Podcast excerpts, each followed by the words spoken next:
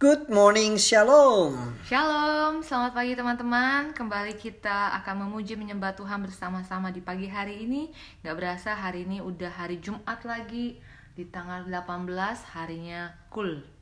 Waktunya kita hari ini cool ya Fit ya. Iya. Cepat sekali waktu berlalu ya. Teman-teman, sebelum kita masuk dalam pujian penyembahan dan pembacaan firman Tuhan pagi hari ini, kita akan berdoa bersama-sama terlebih dahulu. Tuhan Yesus, terima kasih untuk pagi yang indah, untuk kesehatan, untuk damai sejahtera. Thank you untuk segala-galanya Tuhan. Thank you untuk penebusanmu di kayu salib untuk kami semua. Bapak, kami ingin datang untuk memuji Engkau, untuk menyembah Engkau Tuhan. Dan kami rindu untuk mendengar suara firman-Mu. Berbicaralah kepada kami hari ini Tuhan. Terima kasih Yesus. Amin. Amin.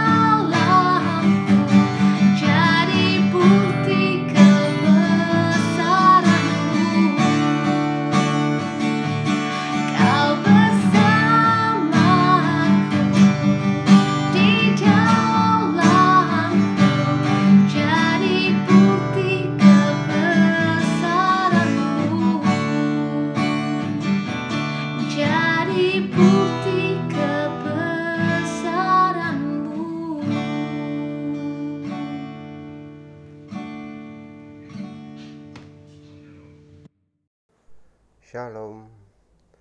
Pembacaan firman pada hari ini Tanggal 18 Desember 2020 Ada di 2 Korintus 11 Demikian bunyi firman Tuhan.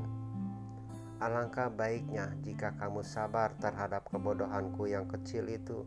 Memang kamu sabar terhadap aku Sebab aku cemburu kepada kamu dengan cemburu ilahi karena aku telah mempertunangkan kamu kepada satu laki-laki untuk membawa kamu sebagai perawan suci kepada Kristus.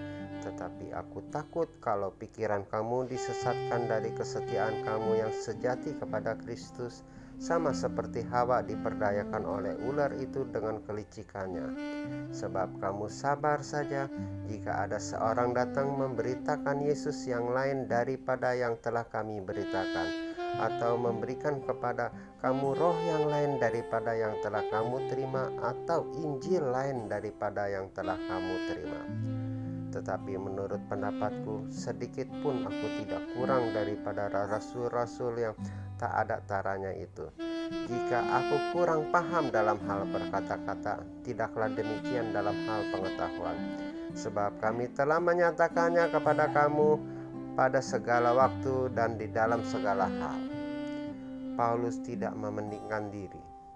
Apakah aku berbuat salah jika aku merendahkan diri untuk meninggikan kamu karena aku memberitakan Injil Allah kepada kamu dengan cuma-cuma? jemaat-jemaat lain telah kurampok dengan menerima tunjangan dari mereka supaya aku dapat melayani kamu dan ketika aku dalam kekurangan di tengah-tengah kamu aku tidak menyusahkan seorang pun sebab apa yang kurang padaku dicukupkan oleh saudara-saudara yang datang dari Makedonia dalam segala hal aku menjaga diriku supaya jangan menjadi beban bagi kamu dan aku akan tetap berbuat demikian. Demi kebenaran Kristus di dalam diriku, aku tegaskan bahwa kemegahanku itu tidak akan dirintangi oleh siapa pun di daerah-daerah Akaya. Mengapa tidak? Karena kadang aku tidak mengasihi kamu, Allah mengetahuinya. Tetapi apa yang kulakukan, akan tetap kulakukan untuk mencegah mereka yang mencari kesempatan guna menyatakan bahwa mereka sama dengan kami dalam hal yang dapat dimegahkan. Sebab orang-orang itu adalah rasul-rasul palsu, pekerja-pekerja curang yang menyamar sebagai rasul-rasul Kristus.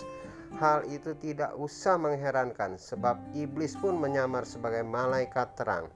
Jadi, bukanlah suatu hal yang ganjil jika pelayan-pelayannya menyamar sebagai pelayan-pelayan kebenaran kesudahan mereka akan setimpal dengan perbuatan mereka. Kuulangi lagi, jangan hendaknya ada orang yang menganggap aku bodoh. Jika kamu juga menganggap demikian, terimalah aku sebagai orang bodoh, supaya aku pun boleh merbega sedikit. Apa yang aku katakan, aku mengatakannya bukan sebagai seorang yang berkata menurut firman Tuhan, melainkan sebagai seorang bodoh yang berkeyakinan bahwa ia boleh bermegah. Karena banyak orang yang bermegah secara duniawi, aku juga bermegah. Sebab kamu suka sabar terhadap orang bodoh karena kamu begitu bijaksana. Karena kamu sabar jika orang memperhambakan kamu, jika orang menghisap kamu, jika orang menguasai kamu, jika orang berlaku angkuh terhadap kamu, jika orang menampar kamu, dengan sangat malu aku harus mengakui bahwa dalam hal semacam itu kami terlalu lemah. Tetapi jika orang-orang lain berani membanggakan sesuatu, maka aku pun ah, aku berkata dalam kebodohan, berani juga. Apakah mereka orang Ibrani? Aku juga orang Ibrani. Apakah mereka orang Israel? Aku juga orang Israel. Apakah mereka keturunan Abraham? Aku juga keturunan Abraham. Apakah mereka pelayan Kristus? Aku berkata seperti orang gila. Aku lebih lagi. Aku lebih banyak berjerilalah, lebih serang di dalam penjara, didera di luar batas, kerap kali dalam bahaya maut. Lima kali aku disesah orang Yahudi, setiap kali empat puluh kurang satu pukulan. Tiga kali aku didera, satu kali aku dilempari dengan batu tiga kali mengalami karam kapal, sehari semalam aku terkatung-katung di tengah laut. Dalam perjalananku, aku sering diancam bahaya banjir dan bahaya penyamun, bahaya dari pihak orang-orang Yahudi dan pi dari pihak orang-orang bukan Yahudi, bahaya di kota, bahaya di padang gurun, bahaya di tengah laut, dan bahaya dari pihak saudara-saudara palsu. Aku ber, banyak berjeri lelah dan bekerja berat. Kerap kali aku tidak tidur. Aku lapar dan dahaga. Kerap kali aku berpuasa, kedinginan dan tanpa pakaian. Dan dengan tidak menyebut banyak hal lain lagi, urusanku sehari-hari yaitu untuk memelihara semua jemaat-jemaat. Jika orang merasa lemah, tidaklah aku turut merasa lemah. Jika ada orang tersandung, tidaklah hatiku hancur oleh duka cita. Jika aku harus bermeka, aku ha maka aku akan bermeka atas kelemahanku. Allah yaitu Bapa dari Yesus Tuhan kita yang terpuji sampai selama-lamanya tahu bahwa aku tidak berdusta. Di Damsyik, wali negeri Raja Aretas menyuruh mengawal kota orang-orang Damsyik untuk menangkap aku. Tetapi dalam sebuah keranjang, aku diturunkan dari sebuah tingkap keluar tembok kota dan dengan demikian aku luput dari tangannya. Amin. Demikian firman Tuhan. Tuhan Yesus memberkati kita semua. Amin. Amin. Thank you Pak Is. Thank you Pak Is. Pak Iskandar, terima kasih ya sudah bersedia melayani bersama-sama kita pagi hari ini untuk untuk membacakan firman Tuhan di 2 Korintus 11. Tuhan Yesus berkati. God bless you Pak Is. Jadi sepertinya di pasal yang ke-11 ini, Paulus lagi berusaha agar jemaat di Korintus tidak disesatkan oleh pengajaran palsu yang bisa membuat mereka berpaling dari iman mereka kepada Kristus. Banyak pengajar-pengajar yang baik tutur katanya dan seolah-olah mengajarkan ajaran Kristus tetapi motivasi mereka berbeda. Mungkin mereka mau terkenal atau mau mendapatkan support atau tunjangan finansial. Hmm. Sekarang pun tidak sedikit ya pembicara-pembicara yang memiliki motivasi yang salah. Mereka jago berkata-kata, lucu dan menyenangkan. Tetapi ajaran mereka justru dapat membawa kita kepada pengertian atau iman yang salah. Firman Tuhan di 1 Tesalonika 5 berbunyi, Ujilah segala sesuatu dan peganglah yang baik. Roh Kudus yang tinggal di dalam kita akan memimpin kita dan melindungi kita dari segala ajaran yang palsu. Terus intim dalam saat teduh, merenungkan firman dan intim dalam doa dan penyembahan agar kita semakin peka dan semakin mengenal suara Tuhan Yesus. Saat kita mengenal suara Tuhan Yesus, iman kita akan semakin kuat dan tidak mudah untuk digoyangkan. Hal yang patut diteladani dari Paulus, ia tidak takut susah dalam melayani Tuhan Ya. dan sangat berhati-hati sekali dalam pelayanannya karena dia nggak mau membuat siapa pun tersandung. Ia bekerja keras untuk mensupport pelayanannya sendiri, rela menderita untuk Tuhan Yesus. Kesulitan apa yang kita alami melayani Tuhan hari-hari ini? Kalau dibandingin dengan Paulus, Gak ada bandingannya. iya nggak bisa dibandingin. Jadi kita bersyukur aja deh di tempat kita berada saat ini karena pemeliharaan dan perlindungan Tuhan. Kita melayani Tuhan dalam kenyamanan, sudah seharusnya kita semangat dan bekerja lebih giat lagi untuk Tuhan. Amin. Amin. Haleluya.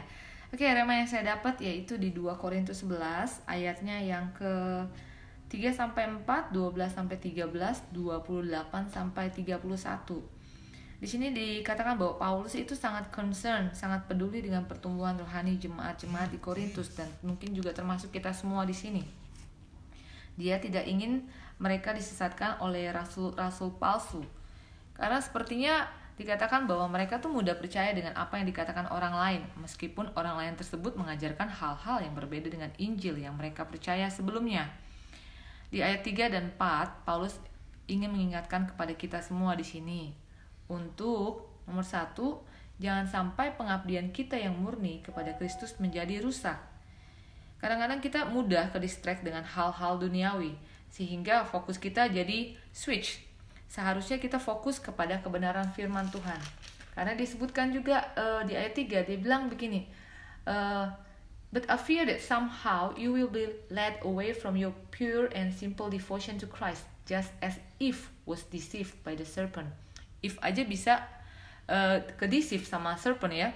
Jadi bagaimana dengan kita? Oleh karena itu kita mesti hati-hati dengan kepercayaan yang sudah kita imani sebelumnya. Jangan sampai kita hilang fokus kita tetap harus fokus kepada Tuhan. Yang kedua, jangan mudah percaya dengan ajaran-ajaran palsu atau sesat.